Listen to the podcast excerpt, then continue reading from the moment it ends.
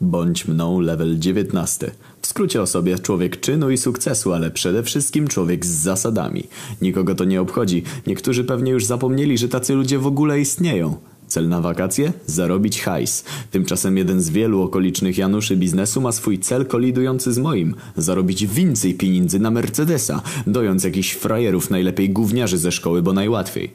Dzwoni do swojej Januszowej franczyzowej meliny zwanej telepizzą i pogania kasjerkę, żeby zatrudniła więcej ulotkarzy. Tak narodził się końca początek. Dzień roboczy numer jeden. Oto tak właśnie pojawiam się w miejscu akcji, nawigowany do celu przez brzęczący na cały regulator głośniczek z reklamami. Stary lokal o wystroju pozbawionym gustu i estetyki. Typowa Januszowa moda byleby było. Polityka robienia pizzy oczywiście taka sama. Mówię, że ja w sprawie ogłoszenia do noszenia ulotek. Bez przedłużania pani kelnerka wyciąga ulotki na ladę, zaczynam od zaraz hehe. Mówi, że mam dużo do rozniesienia, bo od jakiegoś czasu nie mogli znaleźć ulotkarza po tym jak poprzedni zrezygnował. Ciekawe dlaczego? A no tak, krótki wykład o zasadach pracy i wynagrodzeń nie pozostawia złudzeń. Bez umowy, czyli na czarno, 6 zł za godzinę, do tego jakieś dziwne techniki liczenia czasu pracy. Początkowo niewiele z tego ogarniam, ale po pierwszym powrocie z tak zwanej strefy, oddalonej o kilka kilometrów, spoglądam jak kasjerka z cynicznym uśmieszkiem wycina mi zanotowanego na kartce czasu pracy prawie połowę i tłumaczy jeszcze raz jak się sprawy mają. Dopiero po szkoleniu wyrównawczym zdaję sobie pełną sprawę co się od Janie Pawla w tym Januszowym przybytku. Każą mi jechać 5 km na strefę roznoszenia ulotek, wypełniać tabelki, ile i do jakiego bloku jest wsadzone. Każą mi też wpisywać czas pracy, zaczynając dopiero od czasu dotarcia na miejsce i tylko do czasu zakończenia roznoszenia. Za trasę nie chcą ci płacić i mają wywalone, że posyłają cię na drugi koniec miasta. Oczywiście jak kelnerka uzna, że zbyt długo ci zeszło, to wykreśla ci godzinę i wpisuje nową. A nonku ty mnie tu nie cygań mówi. Więcej niż dwie godziny nie powinno ci zejść na tej strefie. Warunkowo zostawiam ci dwie godziny zamiast półtorej, bo jesteś nowy i jeszcze nie ogarniasz. Ale to jedyny raz. Koniec na dzisiaj, przyjdź jutro rano. Nie trzeba też dodawać, że przy takich zarobkach nie było cię stać na zamówienie pizzy z ulotki, którą roznosisz na pocieszenie i tak wszyscy mówią, że paskudna. Nawet dostawca był nietypowo chudy jak na swoją profesję. Nie chciało mu się tego czegoś podjadać. Szybko dochodzę do wniosku, że właściciel tej wyzyskiwalni jest definicją januszowatości, królem i protoplastą wszystkich Januszy. Już wyobrażam sobie jego starą, gburowatą mordę. Niestety nie dostąpię zaszczytu jej zobaczenia. Ten chytry, człekokształtny osobnik brzydzi się gościć w swojej restauracji, tudzież maszynce do robienia hajsu. Funkcje kierownicze w jego imieniu sprawuje wyrachowana kelnerka, która wiernie i oddanie służy dla dobra biznesu, jakby pragnęła poślubić swego pana chlebodawcę i zostać pierwszą damą telepizzy. Dzień roboczy numer dwa. Telepizda wewnątrz, a do tego piździ na zewnątrz. Dziwią się, dlaczego nie chcesz pracować w deszczu, no ale sami cię nie zwolnią, bo za takie stawki ciężko znaleźć kogoś nowego. W sumie powinienem to olać już wczoraj, przecież to kpina, a nie praca. Tak jak dzisiaj to zrobił nowy kandydat po zapoznaniu się pokrótce z realiami, w przeciwieństwie do większości biednych studentów zasmuconych kiepską jakością płacy i pracy, ja wyczułem na przekór wszystkim okazję do rozwoju w tej firmie. Z beznadziei zrodził się pomysł na rewolucję przeciwko powszechnie tolerowanemu systemowi pogardy pracownika. Wiedziałem, że moje odejście nie zmieni niczego, jak to mówi stare Januszowe przysłowie. Na twoje miejsce czeka sto następnych. Jak było widać w praktyce, taką polityką z drobnymi poślizgami byli w stanie znajdować odpowiednią ilość frajerów dla utrzymania ciągłości procederu roznoszenia ulotek za bezcen. Na myśl o umowie o pracę pani kelnerka reagowała z zawistnym uśmiechem. Sama była na umowie o dzieło, rzecz jasna. Nie mając aktualnie innych miejsc do zatrudnienia postanowiłem na jakiś czas pograć w ich grę. Jednocześnie opracowując plan utarcia nosa królowi Januszowi. Mój cel pracy i aspiracje były proste. Sprawić by polityka Janusza zwróciła się przeciwko niemu. Sprawić by każda w jego mniemaniu zaoszczędzona złotówka była w rzeczywistości złotówką straconą. Dzień roboczy numer 3 Czerpiąc inspirację od możnych całego świata, wytoczyłem pierwsze działa na pole bitwy i wycelowałem je w stronę finansów wrogiego imperatora. Cel był prosty, obalić filary stabilności gospodarki telepizzy. Pierwsze działo, które miało wystrzelić, nosiło poważną, enigmatyczną nazwę luzowanie ilościowe. Dzisiejszy dzień rozpoczął się od pierwszego etapu testu. Jak bardzo można zmniejszyć ilość ulotek dostarczanych do skrzynek, żeby kelnerka nie zorientowała się, że nie spełnią swoich obowiązków. Postanowiłem wykonać 90% normy. Dla człowieka uczciwego i jakim jestem było to przeżycie podnoszące ciśnienie, ale nie łudziłem się co do słuszności obranej drogi. Wróg Janusz z Królestwa Telepizzy nie miał żadnej godności ani żadnych zasad. Wróciłem, zdałem raport, kelnerka przyjęła, nie miała prawa się zorientować. W sumie za bardzo się pieszczę z tym planem trzeci dzień, a ja póki co ciągle jestem frajerem. Czas posunąć linię frontu w zauważalny sposób do przodu. Dzień roboczy numer 4. Jedziemy z koksem. Luzowanie ilościowe poziom 70% normy. Wracam z raportem, kelnerka patrzy, wszystko akceptuje bez poprawek. Do zobaczenia jutro, Anonku. Pamiętaj, że wyniki twojej pracy będą sprawdzane. No tak, nie mogłoby być aż tak łatwo wyrolować starego doświadczonego życiem Janusza. Cały wieczór myślałem, jakie wypracować procedury obejścia tego problemu. Teoretycznie przy obecnym tempie luzowania ilościowego pominięcie co trzeciej skrzynki powinno być całkowicie niezauważalne dla kontrolera, ale planowałem pójść ze swoim planem o wiele dalej. Co robić? Do końca dnia nie dałem rady wymyślić żadnego pomysłu. Dzień roboczy numer 5. Dostałem pierwszą tygodniową wypłatę w gotówce zawiniętej w kopertę z papieru sklejonego taśmą. W środku parę groszy. Gratulacje, panie Januszu, wygrałeś pierwszą bitwę. Zobaczymy co dalej, hehe. Dzisiaj dużo ulotek, kelnerce w wynoszeniu ich na blat z podłogi. Pomagał dostawca pizzy. Mężczyzna, chłopaczyna dokładniej. Kelnerka z za ściany przypomniała, bym się strzegł kontroli. Dostawca wtedy uśmiechnął się, wyciągnął kartkę z adresami dzisiejszej strefy i zaznaczył ołówkiem jeden z domów. Tam mieszka właściciel. Sprawdzi, czy wrzuciłeś ulotkę do jego skrzynki. Nie dziękuj. to było do przewidzenia. Przeceniłem tego Janusza. Od początku coś nie trzymało się kupy z tymi kontrolami. Przecież opłacenie kontrolera wymagałoby kolejnych opłat.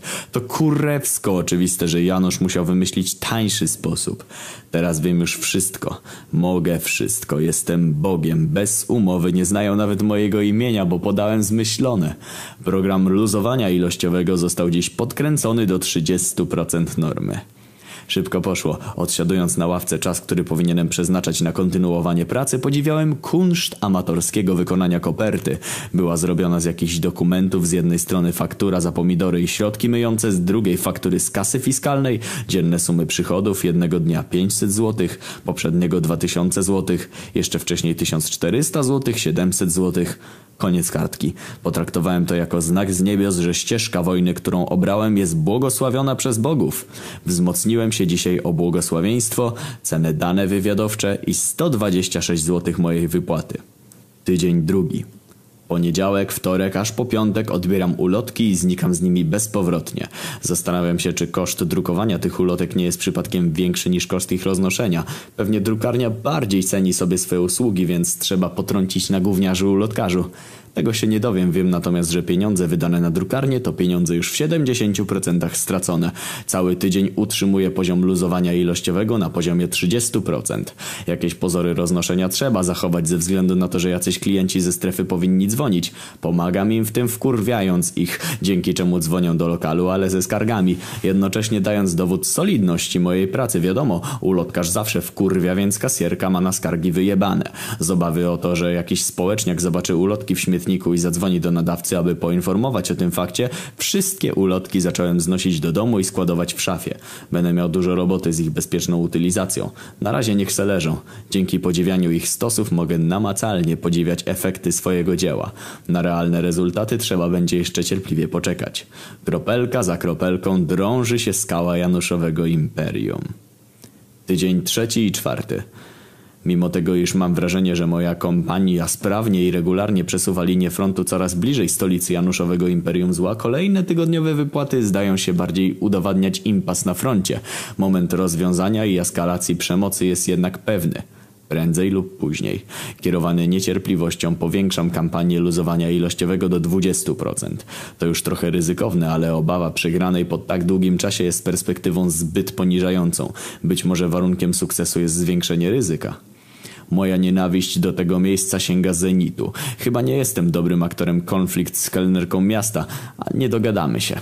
Moje zachowanie jest według niej niegrzeczne, chociaż ja staram się zachowywać wszelkie pozory grzeczności i udaję frajera jak tylko potrafię, przez co z pokorą znoszę jej komentarze i obiecuję popracować nad sobą. Nie wiem, dostawca pizzy kupił obraz mojej postaci i nawet śmieje się, że jestem frajerem za grosze przy kasjerce. Ta upomina go, żeby się zamknął. Ja udaję, że nie rozumiem, co się dzieje. Miesiąc drugi. Wraz z rozpoczęciem drugiego miesiąca zdaję sobie sprawę, że nie mogę poświęcić całego życia na dopieczenie jednemu Januszowi. Nasza wojna nabiera ograniczenia czasowe, których przekroczenie będzie się wiązać z moją bezwarunkową kapitulacją. Wakacje się kończą, jestem po części spokojny, bo wiem, że to co zrobiłem do tej pory przekłada się już z pewnością na wielotysięczno-złotowe ubytki w zamówieniach telefonicznych. Sądząc po tym, że nigdy w życiu nie widziałem w tym lokalu żadnego klienta, zamówienia telefoniczne muszą być podstawą ich zarobku. I bez mojej pomocy ten lokal kiepsko wszędzie. Mam już realną władzę wpływania na ilość zamówień. Wnioskując z planu luzowania ilościowego ograniczyłem ją o 80%.